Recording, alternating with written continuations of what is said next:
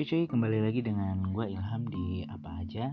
Di episode kali ini gue akan melanjutkan topik anti mainstream yang udah gue bahas di episode sebelumnya ya. Pembahasan santuy mengenai antariksa atau luar angkasa. Weh. Mungkin teman-teman pada bertanya-tanya ya Kenapa harus bahas luar angkasa sih? Ini kan kita lagi corona loh alasan gue yang pertama ini menarik sesuai dengan yang gue sampaikan di episode pertama yang di part 1 maksudnya bukan episode pertama ya. Yang kedua gue ingin kita meningkatkan ketakwaan kita kepada sang pencipta. Loh kok meningkatkan ketakwaan? Relasinya apaan? Mungkin itu pertanyaannya ya. Nah gini pandemi corona sekarang itu pasti uh, meningkatkan ketakwaan dan rasa syukur kita loh kan Iya dong, karena masih dikasih sehat dan masih kuat beribadah. Nah, membahas luar angkasa ini juga meningkatkan ketakwaan lu. Gitu. Alasannya di balik musibah yang datang, lu masih dikasih atap di atas kepala lu dengan indah biru dan putihnya di siang hari serta taburan bintangnya di malam hari. Ya enggak? Iyalah. Nah, uh, mantep ya kata-kata gue ya. Ketiga gue nggak mau lagi menebar ketakutan dan berita miring lagi mengenai pandemi ini. Lu bayangin aja, media udah tiap hari nyuapin lu dengan berita duka berapa banyak saudara kita yang positif dan yang meninggal. Cuy, semakin lu stres, semakin uh, lemah imun tubuh lu, semakin gampang lu sakit karena kan informasi yang diberikan uh, media itu kan ngepres kita, ya kan? Ngetek, uh, kita terus gitu. Ini corona loh corona loh bahaya loh. Ya enggak dan kalau menurut gue kalau kita iya seperti yang gue jelasin tadi kalau misalnya kita stres imun kita lemah tubuh kita makin gampang sakit. Makanya santuy aja sambil nikmatin podcast dan job garing balado gue kan. Iya nambah-nambah ilmu gitu kan sambil nunggu-nunggu buat uh, buka puasa itu kan mantep banget. Nah di episode ini gue akan membahas luar angkasa yang paling dekat dulu yaitu tata surya. Bukan tatang Sutarna ya, itu mah Mang Sule. Oke, okay. menurut Wikipedia, uh, tata surya adalah kumpulan benda langit yang terdiri atas sebuah bintang yang disebut matahari dan semua objek yang terikat oleh gaya gravitasinya. Ini sama kayak cewek paling cakep di kelas lu yang mana semua fuckboy itu eh, ketarik sama gravitasi dan daya tariknya. Ya walaupun lu nggak ganteng-ganteng amat, setidaknya lu asik lah. Atau lu jelek dan menjelekkan diri lu sendiri supaya orang lain ketawa. Nah, Objek-objek yang ketarik sama gravitasi matahari ini termasuk 8 buah planet yang sudah kita ketahui dengan orbit berbentuk elips. 5 planet kerdil atau katai, 173 satelit alami yang telah diidentifikasi dan jutaan benda langit, meteor, asteroid, komet, dan lain-lainnya. Uh, berdasarkan jaraknya dari matahari, kedelapan planet di tata surya kita urutin dulu ya. Pertama, Merkurius. Itu jaraknya dengan matahari 57,9 juta kilometer. Dan padahal kita lihat ya kalau misalnya di digambarkan gitu ya. Uh, itu jaraknya kan deket tuh matahari kan gede banget dan itu jaraknya 57,9 juta kilometer itu untuk Merkurius saja Venus 108 uh, eh, juta kilometer. Bumi tempat kita tinggal itu 150 juta kilometer. Mars 228 juta kilometer, Jupiter 779 juta kilometer, Saturnus 1430 juta kilometer, Uranus 2880 juta kilometer, dan Neptunus itu 4500 juta kilometer. Dan sejak pertengahan tahun 2008 ada lima objek angkasa yang diklasifikasikan sebagai planet kerdil. Orbit planet-planet kerdil kecuali Ceres itu tulisannya Ceres ya. Ini bukan Ceres yang Indomaret ya, bukan yang buat roti gitu ya, bukan.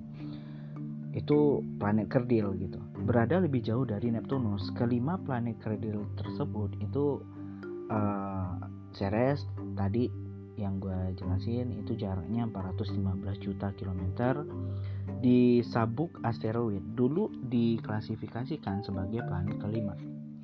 Dan Pluto yang dulunya planet sekarang jadi termasuk golongan planet kerdil ya.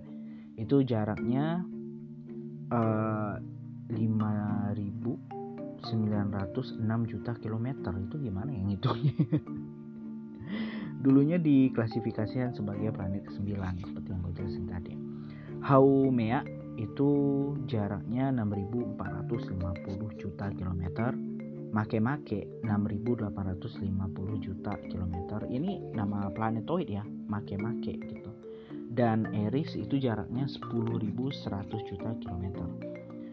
Dan Waduh, ini jaraknya jutaan semua ya. Lu bisa bayangin nggak gimana kalau lu tinggal di sana mesen GoFood atau GrabFood ke bumi? Gue yakin bakal di cancel dan juga gue yakin di sana nggak ada kehidupan lagi. Karena udah banyak yang mati karena kelaparan. Ya alien yang datang ke bumi ke bumi aja itu pada ditangkepin cuy. Mereka kan nitip makanan tuh pada ditangkepin, ya nggak bisa makan lah di sana. Nah, 6 eh, dari ke-8 planet dan 3 dari kelima planet kerdil di tata surya kita itu dikelilingi oleh satelit alami. Masing-masing planet bagian luar dikelilingi oleh cincin planet yang terdiri dari debu dan partikel lain. Nah, makanya kalau misalnya lu suka dengar lagu butiran debu, lu jangan tinggal di bumi cuy. Lu tinggal ke planet aja gitu. Lu ngelilingin tuh planet, lu kelilingin ya apa? Planet-planet kecil gitu kan nggak usah lah galau-galau. Sekalian aja galaunya ke atas ya enggak dan uh, lanjut kita masuk ke asal usul tata surya. Di bagian ini kayaknya gue akan membahas uh, nggak akan membahas terlalu dalam ya. Karena hanya sebatas hipotesa. Tapi kalau misalnya teman-teman lu mau tahu detailnya nanti bisa di search aja. Itu uh, asal usul tata surya ada beberapa hipotesa. Salah satunya itu ada hipotesis nebula planetesimal, hipotesis pasang surut bintang, kondensasi, bintang kembar, dan protoplanet. Uh, lima planet terdekat ke matahari selain bumi yaitu ada Merkurius, Venus, Mars, Jupiter, dan Saturnus itu telah dikenal sejak uh, zaman dahulu karena mereka bisa dilihat dengan mata telanjang. Bangsa-bangsa di dunia ini memiliki nama sendiri untuk masing-masing kita masuk ke sejarahnya. Perkembangan ilmu pengetahuan dan teknologi pengamatan pada lima abad yang lalu itu membawa manusia untuk memahami benda-benda langit terbebas dari selubung mitologi. Nah, salah satu ilmuwan favorit gue nih dan namanya juga keren banget.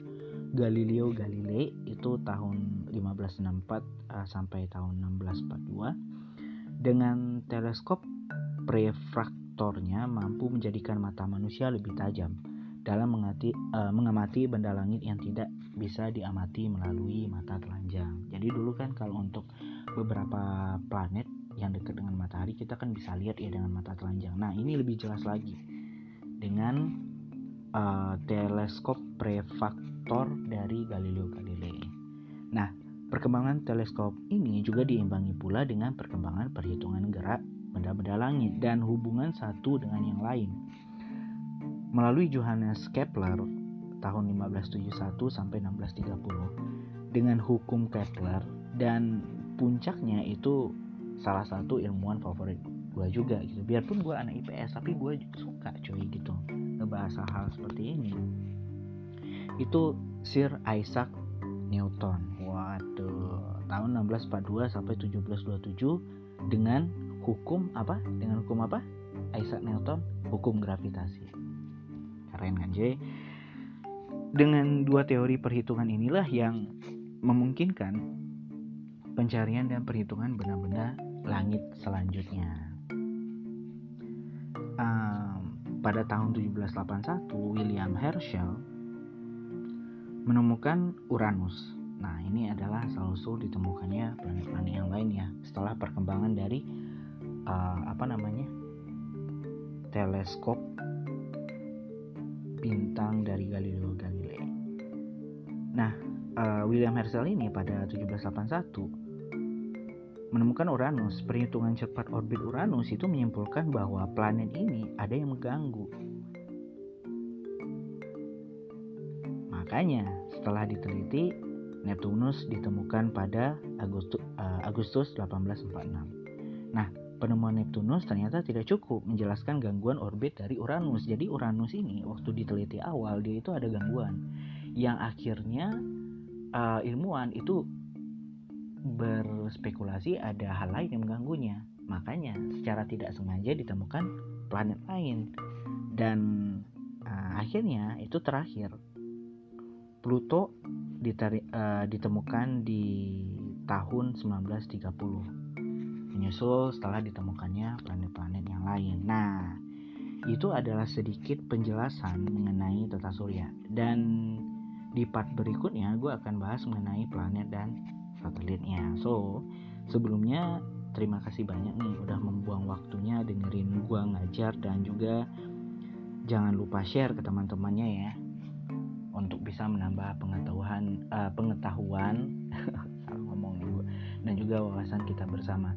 Dan kalau misalnya lu punya adik gitu ya yang lagi belajar di rumah yang lagi belajar mengenai tata surya gue juga akan sangat berterima kasih kalau misalnya lu bisa uh, apa namanya bagiin podcast gue ini. Karena uh, untuk mengangkat materi-materi seperti ini gue nggak pernah uh, ngejok itu yang terlalu vulgar banget itu enggak gitu dan ya mungkin lu bisa ngawasin sama-sama dengerin aja sama-sama nambah oke? Okay? sebelumnya terima kasih banyak atas waktunya. Ditunggu episode berikutnya ya. Ciao